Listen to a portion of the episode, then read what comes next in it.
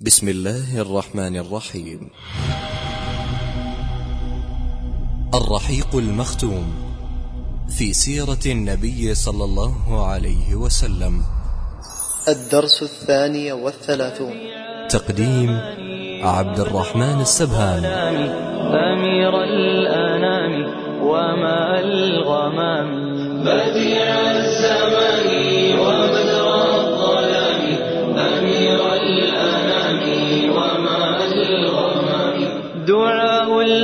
الخليل وبرء العليل وهدي السبيل لدار السلام. لما تمت أعمال الدعوة وكملت الرسالة وبنى النبي صلى الله عليه وسلم مجتمعا جديدا على إثبات التوحيد والعدل والمساواة بين الناس والقيام بحقوق الله وحقوق خلقه وأقام مجتمعا ايمانيا قال المؤلف وشاء الله أن يرى رسوله صلى الله عليه وسلم ثمار دعوته التي عانى في سبيلها ألوانا من المتاعب بضعا وعشرين عاما فيجتمع في أطراف مكة بأفراد قبائل العرب وممثليها فيأخذ منه شرائع الدين وأحكامه ويأخذ منهم الشهادة على أنه أدى الأمانة وبلغ الرسالة ونصح الأمة. يقصد حجة الوداع وأن النبي صلى الله عليه وسلم أعلن في تلك السنة السنة العاشرة أنه سيحج فقدم المدينة بشر كثير كلهم يلتمس أن يأتم بالنبي صلى الله عليه وسلم في الحج. استعد النبي صلى الله عليه وسلم وانطلق في شهر ذي القعدة من السنة العاشرة من الهجرة. أحرم النبي صلى الله عليه وسلم قبل أن يصلي الظهر ثم صلى الظهر ركعتين ثم أهل بالحج والعمرة ثم خرج فركب القصواء ثم أهل لما استقلت به على البيداء. واصل النبي صلى الله عليه وسلم سيره حتى دخل مكة بعد أن صلى الفجر. فلما دخل المسجد الحرام طاف بالبيت وسعى بين الصفا والمروة ولم يحل لأنه كان قارنا قد ساق معه الهدي. فنزل بأعلى مكة وأقام هناك ولم يعد إلى الطواف غير طواف الحج. النبي صلى الله عليه وسلم أمر من كان معه من أصحابه أن يجعلوا إحرامهم عمرة فيطوفوا بالبيت وبين الصفا والمروة ثم يحلوا حلالا تاما فترددوا. فقال النبي صلى الله عليه وسلم لو استقبلت من أمري ما استدبرت ما أهديت ولولا أن معي الهدي لأحللت. فحل من لم يكن معه هدي وسمعوا وأطاعوا. وبقي النبي صلى الله عليه وسلم حتى أتى يوم الثامن من ذي الحجة وتوجه إلى منى فصلى بها الظهر والعصر والمغرب والعشاء والفجر ثم مكث قليلا حتى طلعت الشمس فأجاز حتى أتى عرفة فوجد القبة قد ضربت له بنمرة فنزل بها حتى إذا زالت الشمس أمر بالقصواء فرحلت له فأتى بطن الوادي وقد اجتمع حوله مائه ألف وأربعة وعشرون أو أربعة وأربعون الفا من الناس فقام فيهم خطيبا وقال أيها الناس اسمعوا قولي فإني لا أدري لعلي لا ألقاكم بعد عامي هذا بهذا الموقف ابدا. إن دماءكم وأموالكم حرام عليكم كحرمة يومكم هذا في شهركم هذا في بلدكم هذا. ألا كل شيء من أمر الجاهلية تحت قدمي موضوع ودماء الجاهلية موضوعة وربا الجاهلية موضوع وأول ربا أضع من ربانا ربا عباس ابن عبد المطلب فإنه موضوع كله. فاتقوا الله في النساء فإنكم أخذتموهن بأمانة الله واستحللتم فروجهن بكلمة الله ولكم عليهن ألا يوطئن فرشكم أحدا تكرهونه فإن فعلن ذلك فاضربوهن ضربا غير مبرح ولهن عليكم رزقهن وكسوتهن بالمعروف. وقد تركت فيكم ما لن تضلوا بعده إن اعتصمتم به كتاب الله.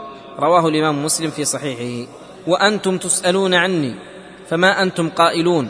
قالوا نشهد أنك قد بلغت وأديت ونصحت. فقال بأصبعه السبابة يرفعها إلى السماء وينكتها إلى الناس اللهم اشهد ثلاث مرات رواه الإمام مسلم. لما انتهى النبي صلى الله عليه وسلم من هذه الخطبة نزل قول الله عز وجل اليوم أكملت لكم دينكم وأتممت عليكم نعمتي. ورضيت لكم الإسلام دينا. وعندما سمعها عمر بكى فقيل له ما يبكيك؟ قال إنه ليس بعد الكمال إلا النقصان. بعد ذلك استقبل النبي صلى الله عليه وسلم القبلة فلم يزل واقفا حتى غربت الشمس وذهبت الصفرة قليلا حتى غاب القرص وأردف أسامة ودفع حتى أتى المزدلفة فصلى بها المغرب والعشاء ثم اضطجع حتى طلع الفجر فصلى الفجر حتى تبين له الصبح. ثم ركب القصواء حتى أتى المشعر الحرام فاستقبل القبلة فدعاه وكبره وهلله ووحده فلم يزل واقفا حتى أسفر جدا. فدفع من المزدلفة إلى منى قبل أن تطلع الشمس حتى أتى الجمرة وهي الجمرة الكبرى فرماها بسبع حصيات يكبر مع كل حصاة منها ثم انصرف إلى المنحر فنحر ثلاثا وستين بدنة بيده ثم أعطى عليا فنحر الباقي وهي سبع وثلاثون بدنة تمام المئة وأشركه في هديه ثم جعلت في قدر فطبخت فأكل هو وعلي من لحمها وشربا من مرقها. ركب النبي صلى الله عليه وسلم وأفاض إلى البيت فصلى بمكة الظهر فأتى على بني عبد المطلب يسقون على زمزم فقال انزعوا بني عبد المطلب فلولا أن يغلبكم الناس على سقايتكم لنزعت معكم فناولوه دلوا فشرب منه صلى الله عليه وعلى آله وسلم. ثم إن النبي صلى الله عليه وسلم خطب الناس يوم النحر عاشر ذي الحجة بعدما ارتفع الضحى وهو على بغلة شهباء. روى البخاري ومسلم عن أبي بكرة قال خطبنا النبي صلى الله عليه وسلم يوم النحر قال إن الزمان قد استدار كهيئته يوم خلق السماوات والأرض. السنة اثنا عشر شهرا منها أربعة حرم ثلاث متواليات ذو القعدة وذو الحجة والمحرم ورجب مضر الذي بين جمادى وشعبان. وقال أي شهر هذا؟ قلنا الله ورسوله أعلم. فسكت حتى ظننا أنه سيسميه بغير اسمه. فقال أليس ذا الحجة؟ قلنا بلى. قال أي بلد هذا؟ قلنا الله ورسوله أعلم. فسكت حتى ظننا أنه سيسميه بغير اسمه. قال أليست البلدة؟ قلنا بلى. فأي يوم هذا؟ قلنا الله ورسوله أعلم. فسكت حتى ظننا أنه سيسميه بغير اسمه. فقال أليس يوم النحر؟ قلنا بلى. قال فإن دماءكم وأموالكم وأعراضكم عليكم حرام كحرمة يومكم هذا في بلدكم هذا في شهركم هذا. وستلقون ربكم فيسألكم عن أعمالكم ألا فلا ترجعوا بعدي ضلالا يضرب بعضكم رقاب بعض. ألا هل بلغت؟ قالوا نعم. قال اللهم اشهد. فليبلغ الشاهد الغائب. فرب مبلغ أوعى من سامع. رواه البخاري ومسلم. فصلى عليك عليك الصلاة وأزكى السلام نبي الهدى يا رسول السلام ويا مرسل الرحمة للأنام. رسول السلام ويا مرسل الرحمة للأنام ومثلك ثم أقام النبي صلى الله عليه وسلم أيام التشريق بمنى يؤدي المناسك ويعلم الشرائع ويذكر الله ويمحو آثار الشرك ومعالمها. وفي اليوم الثالث عشر من ذي الحجة نفر النبي صلى الله عليه وسلم من منى ثم ركب إلى البيت وطاف طواف الوداع ولما قضى مناسكه حث الركاب إلى المدينة. هنا وقبل أن يبدأ مرض النبي صلى الله عليه وسلم ذكر عنوانا جانبيا قال آخر البعوث وهو جيش أسامة ابن زيد رضي الله عنه. قال كان النبي صلى الله عليه وسلم ينظر إلى جراءة الروم وغطرستهم وأخذ النبي صلى الله عليه وسلم يجهز جيشا في صفر من السنة الحادية عشر بعد الهجرة وأمر عليه أسامة بن زيد بن حارثة وأمره أن يوطئ الخيل تخوم البلقاء. يبغي بذلك إرهاب الروم وإعادة الثقة إلى قلوب العرب الضاربين على الحدود. قال وتكلم الناس في قائد الجيش لحداثة سنه واستبطأوا في بعثه فقال النبي صلى الله عليه وسلم إن تطعنوا في إمارته لأن أسامة بن زيد كان عمره سبعة عشر عاما ويقود جيشا عظيما فيه أبو بكر وعمر وأجلاء الصحابة والقادة العسكريين كخالد بن الوليد وغيره قال إن تطعنوا في إمارته فقد كنتم تطعنون في إمارة أبيه من قبل. ويم الله إن كان لخليقا للإمارة وإن كان من أحب الناس إلي وإن هذا من أحب الناس إلي بعده. قال فأخذ الناس يلتفون حول أسامة وينتظمون في جيشه حتى خرجوا ونزلوا الجرف على بعد فرسخ من المدينة. إلا أن الأخبار أتتهم عن مرض النبي صلى الله عليه وسلم فأخذوا يتريثون في الخروج. وبالفعل هذا الجيش لم يمضي في طريقه إلا في خلافة أبي بكر الصديق رضي الله عنه بعد وفاة النبي صلى الله عليه وعلى آله وسلم. ونأتي هنا إلى ختام هذه الحياة الطاهرة وهذه الرحمة المهداة. قال لما تكاملت الدعوة وسيطر الإسلام على الموقف اخذت طلائع التوديع للحياة والأحياء تطلع من مشاعره صلى الله عليه وسلم وتتضح بعباراته وأفعاله. كان هناك إرهاصات من النبي صلى الله عليه وسلم ذلك اعتكف في رمضان في السنة العاشرة عشرين يوما بينما كان لا يعتكف إلا عشرة أيام فحسب دارسه جبريل القرآن مرتين في تلك السنة.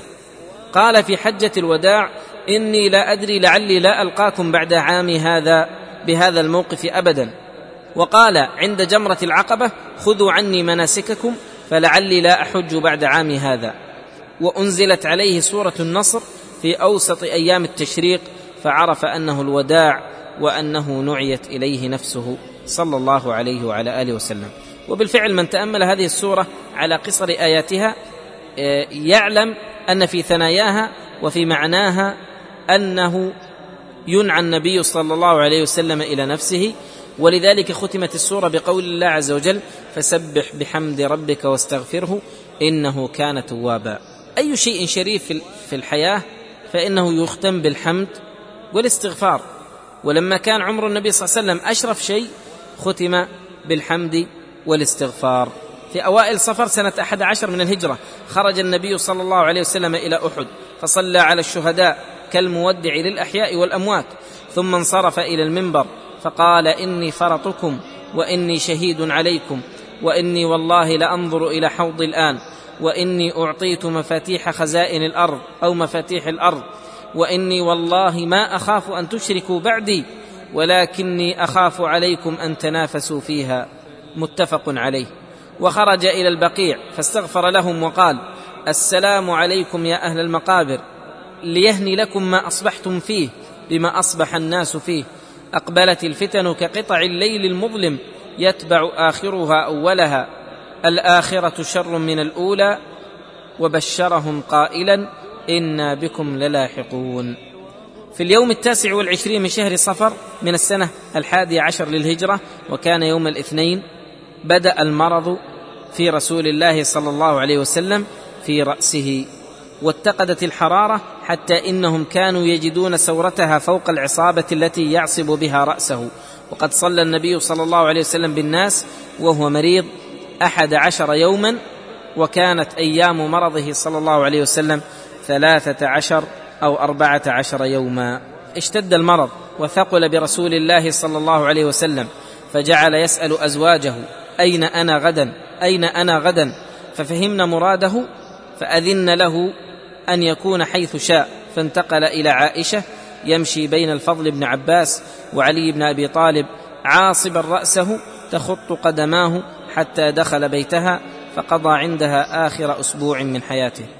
كانت عائشة تقرأ بالمعوذات التي حفظتها من رسول الله صلى الله عليه وسلم فكانت تنفث على نفسه وتمسحه بيده رجاء لبركتها. ومثلك لا تلد الأمهات. ولو عاش كل فتى ألف عام. ومثلك لا تلد الأمهات.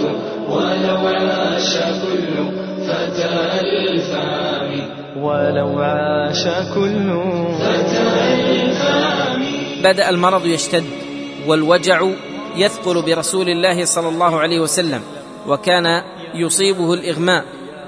فيقول اهريقوا علي سبع قرب من آبار شتى حتى أخرج إلى الناس فأعهد إليهم فأقعدوه في مخضب وصبوا عليه الماء حتى طفق يقول حسبكم حسبكم.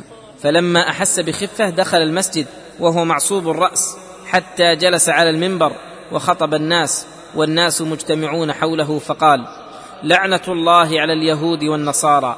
اتخذوا قبور أنبيائهم مساجد. وفي رواية قاتل الله اليهود والنصارى. اتخذوا قبور أنبيائهم مساجد. وقال لا تتخذوا قبري وثنا يعبد. صلى الله عليه وعلى آله وسلم. نلاحظ يعني حتى في نهاية هذه الحياة يدعو إلى التوحيد وينهى عن الشرك. كما كان في بداية حياته يدعو إلى التوحيد وينهى عن الشرك. صلى الله عليه وعلى آله وسلم. ثم عرض نفسه للقصاص. قائلا من كنت جلدت له ظهرا فهذا ظهري فليستقد منه. ومن كنت شتمت له عرضا فهذا عرضي فليستقد منه. ثم نزل فصلى الظهر ثم رجع فجلس على المنبر وعاد لمقالته الأولى في الشحناء وغيرها ثم أوصى بالأنصار قائلا أوصيكم بالأنصار. فإنهم كرشي وعيبتي وقد قضوا الذي عليهم وبقي الذي لهم فاقبلوا من محسنهم وتجاوزوا عن مسيئهم. ثم أخذ النبي صلى الله عليه وسلم يقول إن عبدا خيره الله أن يؤتيه من زهرة الدنيا ما شاء وبين ما عنده فاختار ما عنده. فقال أبو سعيد الخدري فبكى أبو بكر.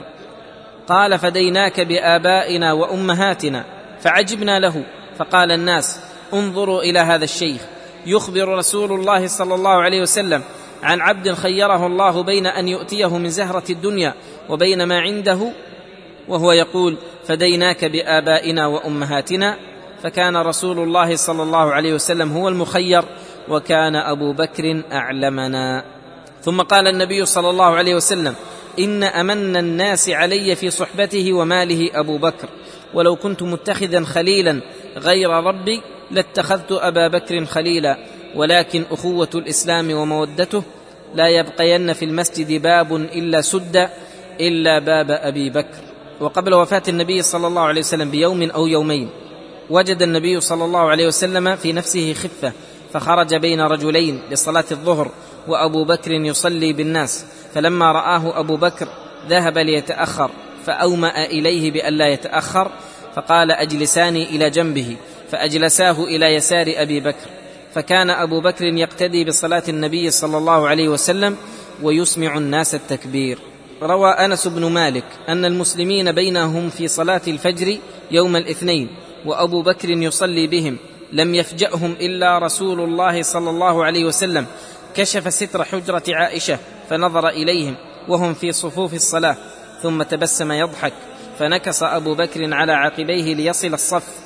وظن أن رسول الله صلى الله عليه وسلم يريد أن يخرج إلى الصلاة. فقال أنس وهم المسلمون أن يفتتنوا في صلاتهم فرحا برسول الله صلى الله عليه وسلم فأشار إليهم بيده رسول الله صلى الله عليه وسلم أن أتموا صلاتكم ثم دخل الحجرة وأرخى الستر ثم لم يات على رسول الله صلى الله عليه وسلم وقت صلاة أخرى. ولما ارتفع الضحى دعا النبي صلى الله عليه وسلم فاطمة فسارها بشيء فبكت ثم دعاها فسارها بشيء فضحكت. قالت عائشة فسألنا عن ذلك يعني بعد وفاة النبي صلى الله عليه وسلم. فقالت سارني النبي صلى الله عليه وسلم أنه يقبض في وجعه الذي توفي فيه فبكيت. ثم سارني فأخبرني أني أول أهله يتبعه فضحكت. رواه البخاري. وطفق الوجع يشتد ويزيد وظهر أثر السم الذي أكله بخيبر. حتى كان يقول لعائشة ما أزال أجد ألم الطعام الذي أكلت بخيبر؟ وأوصى الناس فقال الصلاة الصلاة وما ملكت أيمانكم كرر ذلك مرارا. وبدأ الاحتضار فاسندته عائشة إليها وكانت تقول إن من نعم الله علي أن رسول الله صلى الله عليه وسلم توفي في بيتي وفي يومي وبين سحري ونحري وأن الله جمع بين ريقي وريقه عند موته.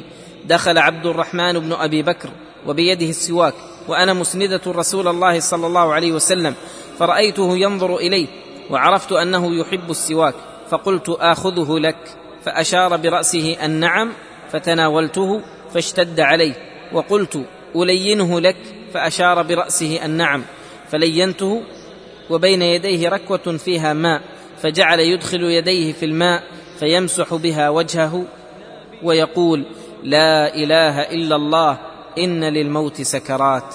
رواه البخاري. وما عدا أن فرغ النبي صلى الله عليه وسلم من السواك حتى رفع يده أو إصبعه وشخص بصره نحو السقف وتحركت شفتاه فأصغت إليه عائشة وهو يقول مع الذين أنعمت عليهم من النبيين والصديقين والشهداء والصالحين اللهم اغفر لي وارحمني وألحقني بالرفيق الأعلى. اللهم الرفيق الأعلى. كرر الكلمة الأخيرة ثلاثا ومالت يده ولحق بالرفيق الأعلى. فإنا لله وإنا إليه راجعون.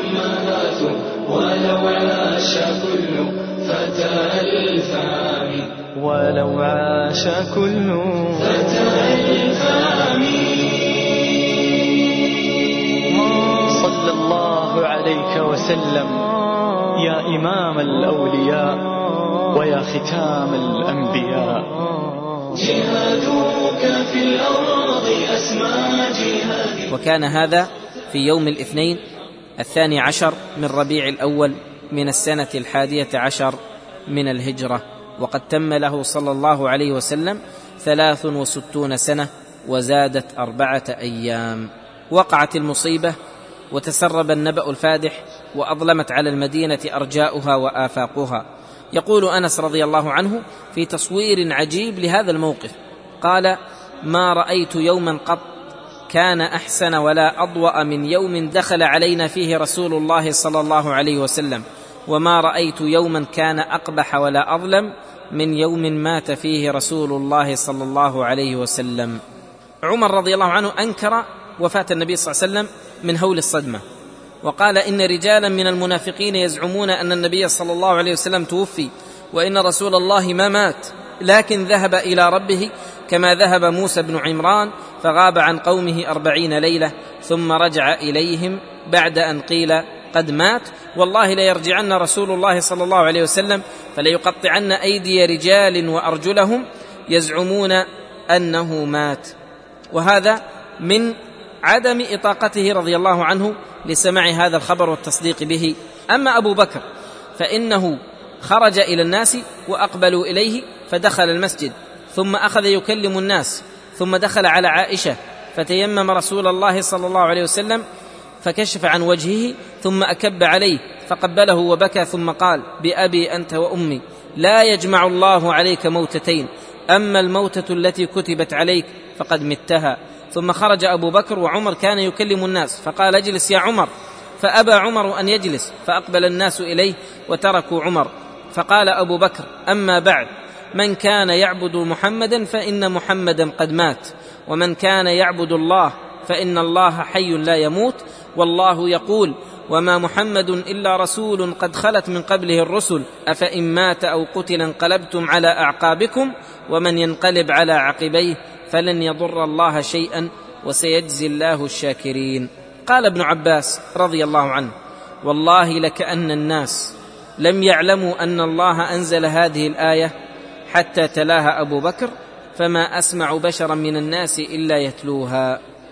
ثم قال عمر والله ما هو إلا أن سمعت أبا بكر تلاها فعرفت حتى ما تقلني رجلاي وحتى أهويت إلى الأرض حين سمعته تلاها علمت أن النبي صلى الله عليه وسلم قد مات.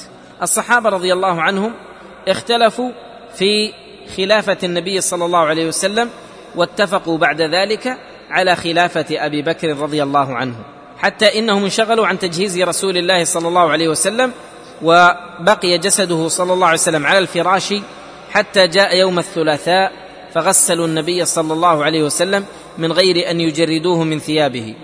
والذين غسلوه هم العباس وعلي بن أبي طالب والفضل وقثم ابني العباس وأسامة بن زيد ثم كفنوه في ثلاثة أثواب بيض واختلفوا في موضع دفنه. فقال أبو بكر إني سمعت رسول الله صلى الله عليه وسلم يقول ما قبض نبي إلا دفن حيث يقبض فرفع أبو طلحة فراشه الذي توفي عليه فحفر تحته وجعل القبر لحدا.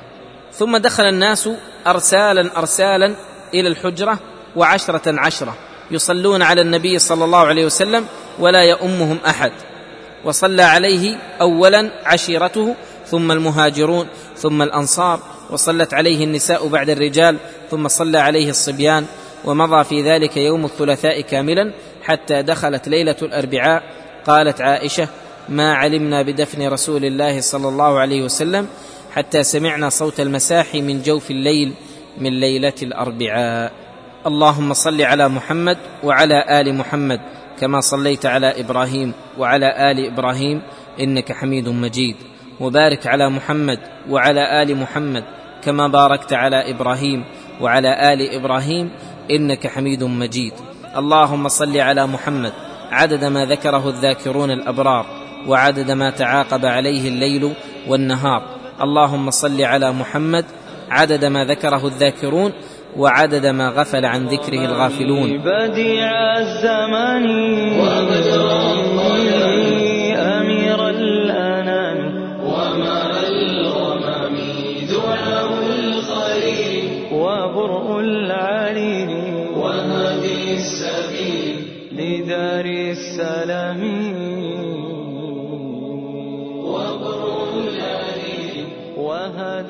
السبيل لدار